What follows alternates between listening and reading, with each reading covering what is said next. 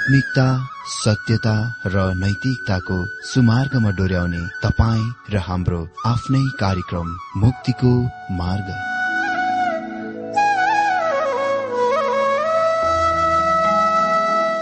आदरणीय श्रोता यस मुक्तिको मार्ग कार्यक्रममा हार्दिक स्वागत छ।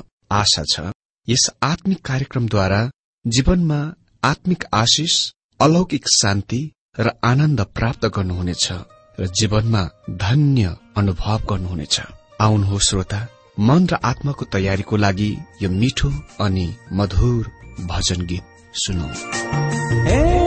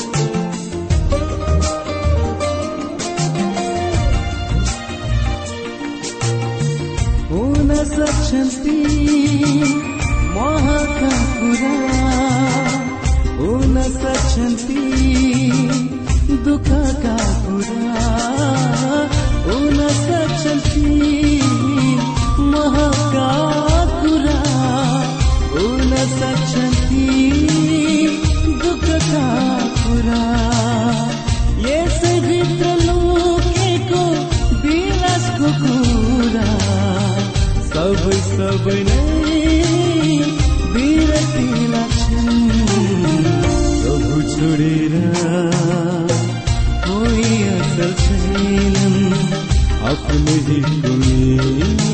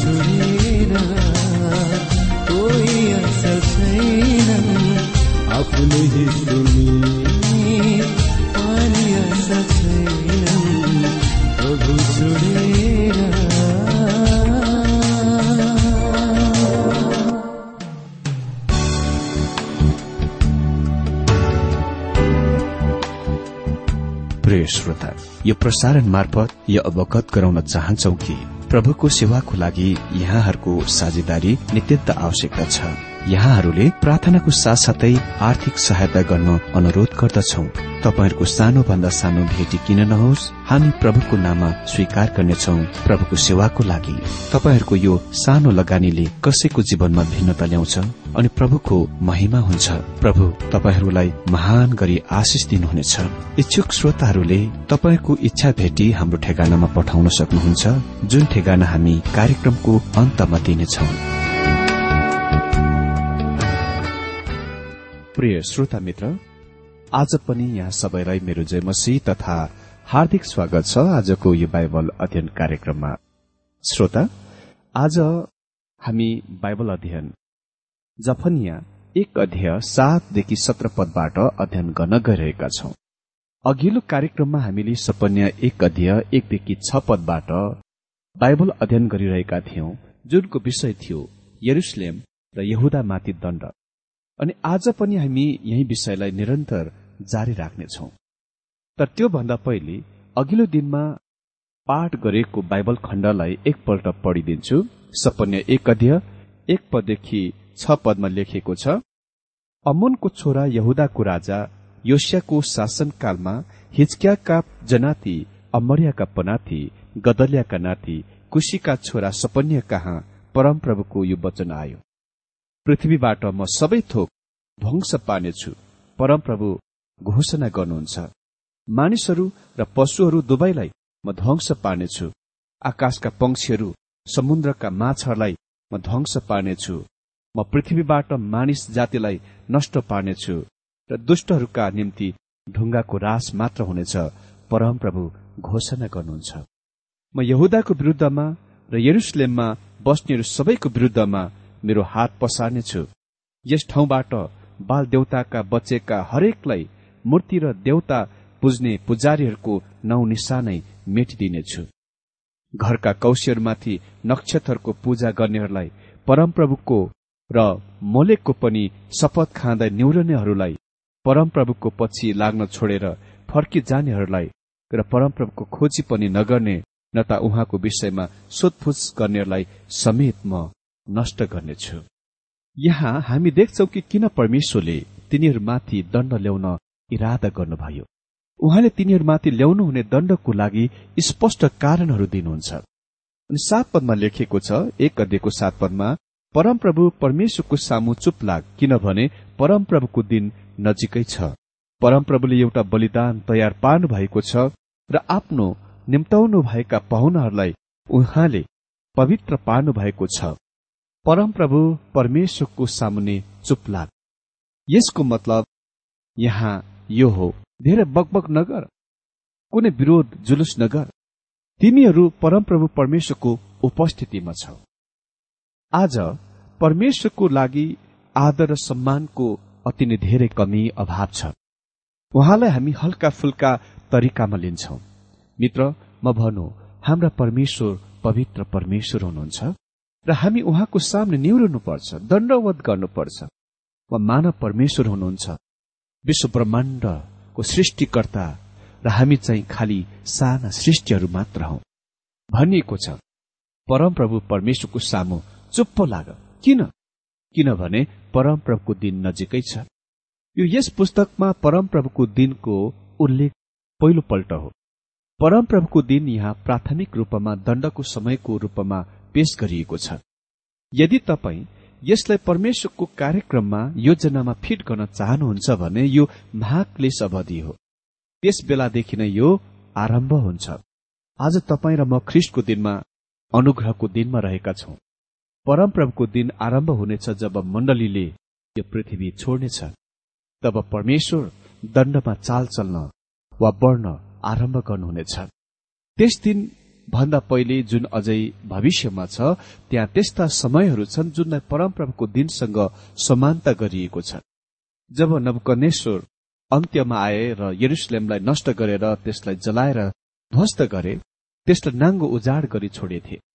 यदि तपाईँ आज त्यस मुलुकमा जानुहुन्छ भने त्यहाँ अति नै कम रूखहरू छन् तर तपाईँ नाङ्गो पहाड़हरू जताततै देख्नुहुनेछ। एक समयमा ती डाँडाहरू रूखहरू र बोटहरूको ढाकिएका हुन्थे। त्यो दूत र मह बग्ने देश थियो तर आज त्यस्तो छैन। त्यहाँ अझ जीवित प्रमाणहरू छन् जुन शत्रुहरूले गरेथे बेबिलोनियनहरू जो नबुकनेश्वरको नेतृत्वमा हुने त्यस मुलुकको विरुद्ध आए त्यसपछिबाट मादी फारेसीहरू आए अनि अलेक्जेन्डर महान आए अनि अन्तिममा रोमीहरू आए। एकपछि अर्को शत्रुहरू त्यस मुलुकमा आए। परिणामस्वरूप अति नै कम रूखहरू छोडिएका छन्। अनि त्यो मुलुक लगभग उजाड र नाङ्गो छ। परमेश्वरले त्यो बिल्कुल स्पष्ट पार्नुभयो कि त्यहाँ नै त्यही नै उहाँ गर्न गइरहनु भएको थियो र उहाँले त्यो नै गर्नुभयो पनि। त्यसको प्रमाण आज पनि त्यहाँ छ। त्यो दण्ड ती मानिसहरूको लागि परमप्रभुको दिन थियो। तर यसले पूर्ण रूपले यस भविष्यवाणीलाई सन्तुष्ट पार्दैन। सपन्याले यो स्पष्ट पार्दछन् कि परमप्रभुको दिन त्यो दिन हो जुन अझै भविष्यमा छ र जुनको पूर्ण हुनेछ पूरा हुनेछ जब ख्रिष्ट आउनुहुन्छ र आफ्नो राज्यहरू यो पृथ्वीमा स्थापन गर्नुहुन्छ। अनि व्यङ्ग्यात्मक कथनसँग सपन्या भन्छन् परमप्रभुले एउटा बलिदान तयार पार्नु भएको छ र आफूले निम्त्याउनु भएका पाहुनाहरूलाई उहाँले पवित्र पार्नु भएको छ। अमित्र ती पाहुनाहरू चाहिँ खास मात्रामा बलिदानहरू हुन गइरहेका छन्। अनि बलिदान चाहिँ दण्ड हो जुन यस राष्ट्रमाथि आइरहेको थियो। आठ पदमा लेखिएको छ परमप्रभुको त्यस बलिदानको दिनमा म राजकुमारहरू राजाका छोराहरू र विदेशी लुगा लाउनेहरू जति सबैलाई सजाय दिनेछु। यहाँ खास विचार चाहिँ यो हो कि शासकहरू परमेश्वरबाट टाढा भौतारी तर्की गएका थिए। अनि यसको बुझ्नलाई तपाईँले गर्नुपर्ने काम नै त्यो समयतिर फर्कनुहोस्। जब सिद्कियाले शासन गरे उनी सबभन्दा आखिरी राजा थिए र उसले वास्तवमा आफ्ना बच्चाहरू उसका सामने मारिएका देखेर उसका आँखाहरू देखे अनि उसका आँखा पनि शत्रुद्वारा जिउँदै निकालिए। दोस्रो राजा चौबिस र पच्चिस अध्याय अनुसार। यो निश्चय नै कठोर दण्ड थियो तर तिनीहरूले परमेश्वरबाट चेतावनी पाएथे। यी मानिसहरूको निम्ति यो परमप्रभुको दिन जस्तै थियो। नौपद नौपदमा लेखिएको छ त्यस दिन संघारमा खुट्टाले नटेक्ने र आफ्ना देवताहरूको मन्दिरमा उपद्रव र छले भरिपूर्ण पार्ने सबैलाई म सजाय दिनेछु यस पदको सन्दर्भमा डाक्टर चार्लेस फेनवर्गले लेख्छन् यस पदले संकेत गरेको धनीहरूका नोकरहरूले अरूहरूका घरहरूबाट तिनीहरूका सम्पत्तिहरूको आफ्ना मालिकहरूलाई धनी बनाउन लुटमार गर्ने जोस हो। हजुर त्यस बेला त्यहाँ कोही कोही मानिसहरू थिए जसले गरिबका घर बारीहरू खुसी लाँदथे। त्यस दिनमा मध्यम वर्गका मानिसहरू लोभ भएथे र त्यहाँ या त अति नै धनी र अति नै गरिब हुँदथे। अनि उही कुरा हाम्रो राष्ट्रमा पनि घटिरहेको छ। परमेश्वर यी मानिसहरूलाई भन्नुहुन्छ कि उहाँ तिनीहरूका यो कामको लागि तिनीहरूलाई दण्ड दिन गइरहनु भएको छ। दशपद परमप्रभु भन्नुहुन्छ त्यस दिन माछा ढोकाबाट पुकारा नयाँ टोलबाट रुवाबासी र डाँडाहरूबाट ठूलो आवाज मासतिर जानेछ। मित्र यहाँ लेखिएको छ त्यस दिन चाहिँ परमप्रभुको दिनको स्पष्ट संकेत हो। माछा ढोकाबाट पुकार आउनेछ हजुर माछा ढोका चाहिँ आज दमस्कस ढोकाको रूपमा जानिदछ। यो त्यो ढोका थियो जुनद्वारा गालिलका समुद्र र यर्द नदीबाट माछा ल्याइन्दथ्यो यो यरुसलेम सहरको उत्तर दिशातिर स्थित छ। नयाँ टोलबाट रुवाबासी र डाँडाहरूबाट ठूलो आवाज मासतिर जानेछ। आज दमिशक ढोका अति नै निच स्थानमा छ। यदि तपाईँ यरुसलेमसँग चिर परिचित हुनुहुन्छ भने तपाईँ थाहा पाउनुहुनेछ कि यो सहर डाँडाहरूद्वारा वरिपरि घेरिएको छ। सपन्या भनिरहेका छन् चाहे तपाईँ कुनै दिशातिर बढ्न चाहनुहोस् त्यहाँ ती मानिसहरूका रुवाबासी र ठूलो आवाजहरू हुनेछ जब दण्डको समय तिनीहरूमाथि आएथ्यो एघार पद हे बजार भएको ठाउँमा बस्ने हो चिच्याएर रौ। तिमीहरूका सबै व्यापारीहरू खत्तम हुनेछन्। चाँदीका व्यापार गर्नेहरू सबै नष्ट हुनेछन्। त्यस दण्डले व्यापार र वाणिज्यमाथि पनि असर गर्ने थियो। अनि बाह्र पद। त्यस बेला बत्ती बालेर म यरुसलेमलाई खोज्नेछु र ढुक्क भएर बस्नेहरूलाई थिग्रो भएर बसेका दाग मध्ये जस्तै हुनेहरूलाई र परमप्रभुले न त असल न खराब गर्नुहुन्छ भनी विचार गर्नेहरूलाई म सजाय दिनेछु। त्यस बेला बत्ती बालेर म यरुसलेमलाई खोज्नेछु। अर्को शब्दमा यो चाहिँ अन्ध्यारोमा बत्ती वा राँको बालेर त्यो मानिसलाई खोज्न गएको जस्तै हो जो अन्ध्यारोमा छिपिरहेको छ। परमेश्वर भन्नुहुन्छ म यरुसलेमलाई त्यसरी नै खोजी निकाल्न इरादा गर्छु। म सबै खराबी र पापहरूलाई उदाङ्गो पार्नेछु र ढुक्क भएर बस्नेहरूलाई सजाय दिनेछु यी मानिसहरू सम्पन्न समृद्ध समाजमा बसेथे र तिनीहरू ढुक्कसँग बसिरहेका थिए। तिनीहरूले विश्वास गरेनन् कि त्यहाँ कुनै दण्डको दिन आउनेछ। आज त्यहाँ धेरै त्यस्ता मानिसहरू र विश्वासी भनाउँदाहरू छन्। भनिएको छ परमप्रभुले न त असल न त खराब गर्नुहुन्छ भनी विचार गर्नेहरूलाई म सजाय दिनेछु तिनीहरूले भनिरहेका थिए कि परमेश्वरले केही पनि गरिरहनु भएको छैन। परमेश्वर यसको बारेमा केही पनि गर्न गइरहनु भएको छैन। हबक्कुको प्रश्न थियो प्रभु किन तपाईँ दुष्टता र खराबीको बारेमा केही पनि गर्नुहुन्न। परमेश्वरले उसलाई भन्नुभयो मैले केही निश्चय नै गरिरहेको छु। अनि जब हबकुकलाई दर्शन दिइयो र परमेश्वरले वास्तवमा के गरिरहनु भएको थियो सो कुरा देख्यो उहाँ परमेश्वर कहाँ आफ्ना मानिसको लागि दया र कृपाको लागि चितकार छोडे पुकार गरे। धेरै मानिसहरू आज भन्छन् म परमेश्वरलाई उपेक्षा गर्छु व्यवस्था गर्छु। उहाँले असल गर्नुहुन्न। वा खराब पनि गर्नुहुन्न। तिनीहरू बिल्कुलै परमेश्वरको बारेमा न तातो न गरम छन्। तिनीहरू यस प्रकारको विचारले सोचाइले निश्चय नै घृणा योग्य अपवित्र धर्म विज्ञान थ्योलोजीतिर डोर्याउँछ जुनले भन्छ परमेश्वर मृतक हुनुहुन्छ मरेको हुनुहुन्छ। अनि आज पश्चिमेली समाजले मात्र र त्यो समाजले त्यस प्रकारको थ्योलोजीको उत्पादन गरेको छ किनभने तिनीहरूका समृद्ध र सम्पन्न समाज भएकोले गर्दा तिनीहरू भन्छन् हामीलाई कति पनि परमेश्वरको आवश्यक छैन। परिणाम स्वरूप तिनीहरू सोच्दछन् कि उहाँले असल गर्नुहुन्न उहाँले खराब पनि गर्नुहुन्न उहाँले केही पनि गर्नुहुन्न। तर तिनीहरू अति नै धेरै भूलमा परेका छन् अनि सपन्याले त्यो कुरा तिनीहरूलाई स्पष्ट पार्न गइरहेका छन्। तेह्र पद तिनीहरूका धन सम्पत्ति लुटिनेछ तिनीहरूका घर भत्काइनेछन् तिनीहरूले घर बनाउने छन् तर तिनमा बस्न पाउने छैनन्। तिनीहरूले दागबारी लगाउनेछन् तर त्यसको दागमध्ये पिउन पाउने छैनन्। ती माल सामान धन सम्पत्तिहरू जसरी तिनीहरूले अरूहरूबाट लुटे खोसे त्यसरी नै ती सामानहरू तिनीहरूबाट खोसिनेछन् लुटिनेछन् तिनीहरूका घर भत्काइनेछ अर्को शब्दमा इसरायलमा भूत गाउँहरू हुने थियो। भूत गाउँको रूपमा इसरायल छोडिने थियो। तिनीहरूले घर बनाउनेछन् तर तिनमा बस्न पाउने छैन। तिनीहरूले दागबारी लगाउनेछन् तर त्यसको दागमध्ये पिउन पाउने छैनन् परमेश्वरले ती मानिसहरूलाई व्यवस्था दिनुभएको थियो जब कुनै मानिसले दागबारी लगाउँदथ्यो उनी युद्धमा तबसम्म जानु हुँदैनथ्यो जबसम्म उसले त्यस दागबारीको फलहरू खाएर सक्दैनथ्यो अर्को व्यवस्थाले भन्थ्यो यदि कुनै पुरुष विवाहित भए एक वर्षको लागि उसलाई युद्ध जानदेखि माफ हुँदथ्यो यहाँ परमेश्वर भनिरहनु भएको छ कि तिनीहरूले दागबारी लगाउन गइरहेका छन्। तर तिनीहरूले त्यसको दाग मध्ये पिउन पाउने छैनन्। किनभने तिनीहरूले पाप गरेका छन्। तिनीहरू युद्धबाट आरामको समय निकाल्न पाउन योग्य हुने छैनन्। न तिनीहरूले जब विवाह गर्दछन् तिनीहरूले आफ्ना दाम्पत्य जीवनको निम्ति एक वर्ष पनि समय निकाल्न पाउनेछन् किनभने शत्रुहरू बाढ चाहिँ तिनीहरूको विरुद्ध आउन गइरहेको छ। चौध पद। परमप्रभुको महादिन नजिकै छ र त्यो चाँडै आउँदैछ। ध्यानसित सुन। परमप्रभुको दिनमा हुनेका दिने दिनमा हुने कराई तितो हुनेछ। त्यहाँ युद्धको चिचै ठूलो हुनेछ। परमप्रभुको महान दिन नजिकै छ। यो परमप्रभुको महान दिन भविष्यमा महाक्लेशको समय हो। योस्याको शासनपछि सपन्याको दिनमा दक्षिणी राज्य यहुदाबाट कुनै पनि असल राजा खडा भएन।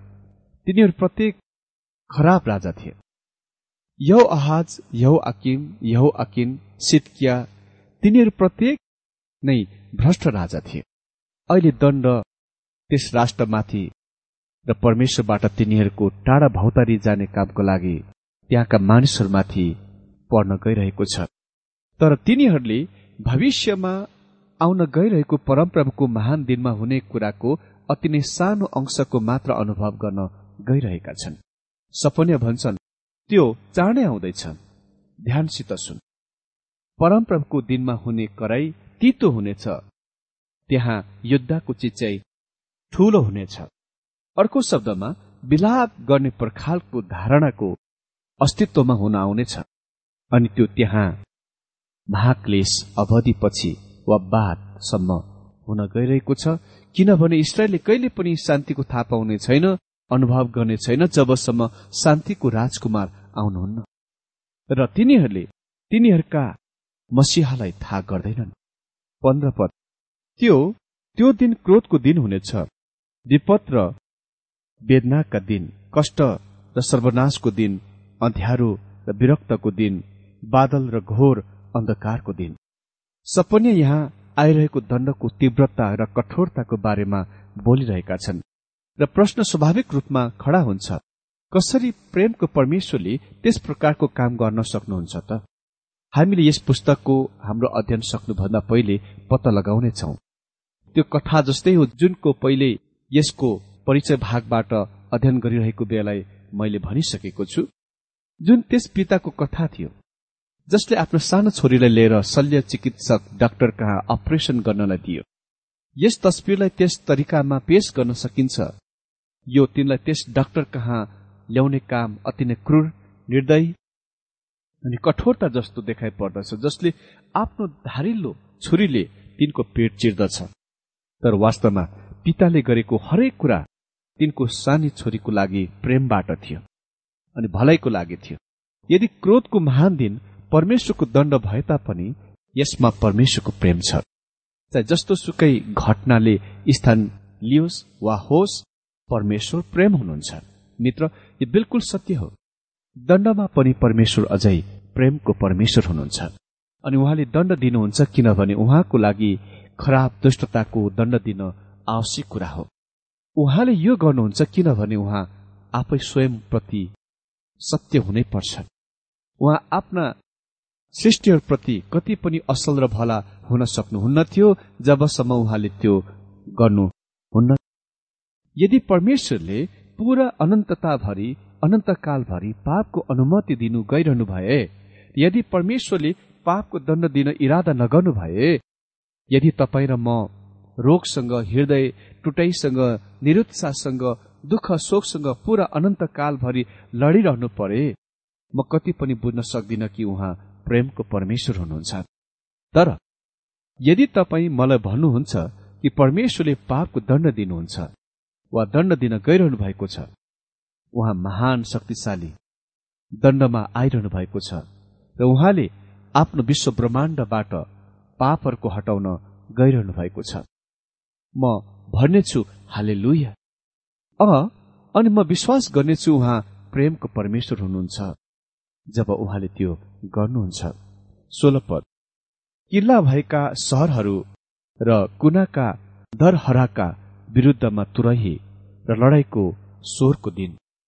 मित्र जब परमेश्वरले इसरायल राष्ट्रलाई तुरही दिनुभयो र जुनको तिनीहरूले उजाड स्थान यात्रामा फुक्नु पर्दथ्यो त्यहाँ धेरै तरिकाहरू थिए जुनमा तिनीहरूलाई प्रयोग गरिनु पर्दथ्यो। विभिन्न तरिकामा दुई चाँदीका तुरैहरूका प्रयोगको उल्लेख गर्नुपर्दा परमप्रभुले गन्ती दश अध्ययको नौ पदमा भन्नुहुन्छ आफ्नै देशमा तिमीहरू माथि थिचोमिचो गर्ने शत्रुको विरुद्धमा तिमीहरू लडाई गर्न जाँदा तिमीहरूले तुरहीद्वारा जनाउ ध्वनि फुक्नु। तब परमप्रभु तिमीहरूका परमेश्वरको सामु तिमीहरूको सम्झना हुनेछ र तिमीहरूका शत्रुहरूबाट तिमीहरूको रक्षा हुनेछ। सपन्या यहाँ भन्छन् यो तुरहीको दिन हो। तिनीहरूले जनौ ध्वनि फुक्न गइरहेका छन् तर परमेश्वरले तिनीहरूलाई बचाउने इरादा गर्नुहुन्न। किन? उहाँले तिनीहरूलाई दण्ड दिने इरादा गर्नुहुन्छ। वा इरादा गर्नुहुन्छ कि तिनीहरूलाई शत्रुहरूबाट छुटकारा दिन होइन। त्यो किल्ला भएका सरहरू र कुनाका धरराको विरुद्धमा तुरही लडाईँको स्वरको दिन हुनुपर्नेछ। अनि सत्र पद म मानिसहरूमाथि संकष्ट ल्याउनेछु र तिनीहरू अन्धा मानिसहरू झै हिँड्नेछन् किनभने तिनीहरूले परमप्रभुको विरुद्धमा पाप गरेका छन्। तिनीहरूको रगत धुलो सरी र तिनीहरूका आन र भुँडीहरू फोहोर सरी फ्याँकिनेछन्। यो अति नै प्रचण्ड कठोर दण्ड हो। तर तपाईँलाई थाहा छ शल्यक्रिया वा अपरेशन पनि अति नै कठिन कुरा हो। केही साल पहिले एकजना मेरो मित्रलाई क्यान्सर रोग लागेको थियो। र डाक्टरले त्यो क्यान्सरको अपरेशन गरेर काटेर फ्याँक्नु परेको थियो र त्यहाँ थुप्रै पल्ट अपरेशन गर्नुपर्ने सम्भावना बताइएको थियो। पहिलो पल्टको अपरेशन गरिसकिएपछि उसले डाक्टरलाई अन्य अपरेशनको बारेमा सोधिरहेका थिए। डाक्टरले उसलाई भन्यो म तिमीलाई तबसम्म काट्नेछु अपरेशन गर्नेछु जबसम्म त्यसको पूर्ण जडलाई खतम गरिँदैन। कुनै मानिसलाई त्यसरी काट्ने काम अति नै कठोर कुरा थियो। तर डाक्टरले मेरो साथीलाई त्यो गरेनन् किनभने डाक्टर उसँग रिसाएका थिए। अह। उसले त्यो दण्डमा पनि न्यामा पनि गरेका थिएनन्। उसले वास्तवमा त्यो मेरो मित्रको जीवनलाई बचाउन गरेको थियो। अनि म विश्वास गर्छु कि मानवीय प्रयत्नमा त्यस कठोर विधिद्वारा डाक्टरले मेरो मित्रको जीवन बचाए। अनि मित्र म तपाईँलाई भनौँ परमेश्वरले दण्ड दिनुहुनेछ र उहाँले कहिलेकाहीँ यसलाई अति नै उग्र प्रचण्ड तरिकामा गर्नुहुन्छ। उहाँले कठोर किसिमको अपरेशन गर्नुहुन्छ तर उहाँले हाम्रो आत्मिक शरीरको कल्याणको लागि गर्नुहुन्छ। अठार पदमा लेखिएको छ परमप्रभुका क्रोधको दिनमा न त तिनीहरूका चाँदीले न तिनीहरूको सुनले तिनीहरूलाई बचाउन सक्नेछ। उहाँका डाहाको आगोले सारा संसारै भस्म पारिनेछ किनकि पृथ्वीमा बस्नेहरू सबैले उहाँले अचानक भस्म पार्नुहुनेछ हजुर फेरि म एकजना अमेरिकी प्रचारकको कथनलाई उद्धित गर्न चाहन्छु जुन मेरो विषयसँग प्रासंगिक छ। तपाईँ र म रहेको राष्ट्रले पूरा संसारभरि मित्रहरू किन्न मित्रहरूलाई आफूतिर जित्न र मानिसहरूलाई प्रभावित गर्न कोसिसमा अरबौं डलर खर्च गरिरहेको छ। तर हामीलाई पूरा संसारभरि घृणा गरिएको छ। हामीलाई प्रेम गरिँदैन। भनिएको छ तपाईँको प्रेमको किन्न सक्नुहुन्न। तपाईँ मानिसहरूलाई आफूतिर सुन र चाँदीले जित्न सक्नुहुन्न। तर यस देशमा हामी अझै विश्वास गर्दछौ कि पैसाले जीवनका सम्पूर्ण समस्याहरूको समाधान गर्दछ।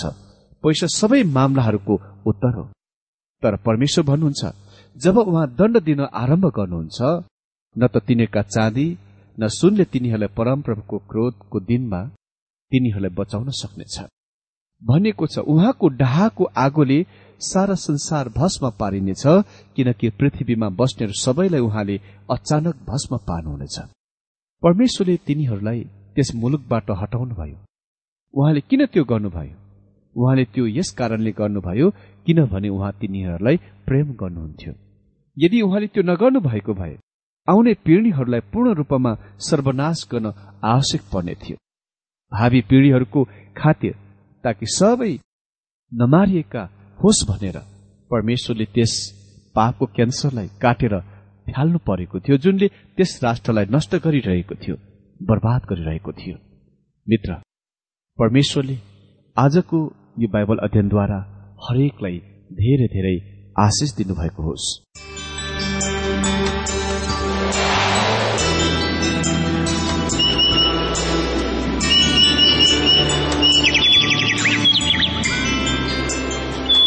प्रिय श्रोता अहिले भर्खरै तपाईँले टीडब्ल्यूआर नेपालद्वारा सञ्चालित आत्मिक कार्यक्रम मुक्तिको मार्ग सुनिरहनु भएको थियो। श्रोता आजको यो कार्यक्रम सुनेर तपाईँलाई कस्तो लाग्यो? यदि यो कार्यक्रम सुनेर मनमा कुनै खुल्दुली वा कुनै प्रतिक्रिया अर्थात सुझावहरू छन् भने हामीलाई पत्रद्वारा लेख्न सक्नुहुनेछ। हामी हृदयदेखि नै स्वागत गर्नेछौ स्वीकार गर्नेछौ साथै बाइबल सम्बन्धित प्रचारहरू कार्यक्रम सारणीहरू हामी अनुरोधमा पठाउन सक्छौ। अनि तपाईँसँग कुनै प्रार्थनाको विषय छन् भने हामीले तपाईँको लागि प्रार्थना गरेको चाहनुहुन्छ। चाहनुहुन्छ भने प्रभुमा आफ्नै परिवार सम्झेर हामीलाई पत्रमा लेख्न सक्नुहुनेछ। तपाईँको लागि हामी प्रभु येशुसँग प्रार्थना गर्नेछौ। अधिक जानकारी र पत्रचारको लागि हाम्रो ठेगाना यस प्रकार छ। कार्यक्रम मुक्तिको मार्ग जीपीओ नम्बर उनानब्बे पचहत्तर एपीसी पच्चिस एकसठी काठमाडौँ। ठेगाना एकपल्ट सुन्नुहोला। कार्यक्रम मुक्तिको मार्ग जीपीओ नम्बर उनानब्बे पचहत्तर एपीसी पच्चिस एकसठी काठमाडौँ। हाम्रो इमेल एड्रेस हो TWR Nepal at Yahoo dot com साथै यस नम्बरमा एसएमएस गर्न सक्नु सक्नुहुनेछ अन्ठानब्बे चार सत्तरी पैतिस छ सय उनासी नौ आठ चार सात जिरो तीन पाँच छ सात नौ। हुन्छ श्रोता आजलाई हामी विदा चाहन्छौ। अर्को कार्यक्रममा हामी पुनः भेट्नेछौ तबसम्मलाई नमस्कार।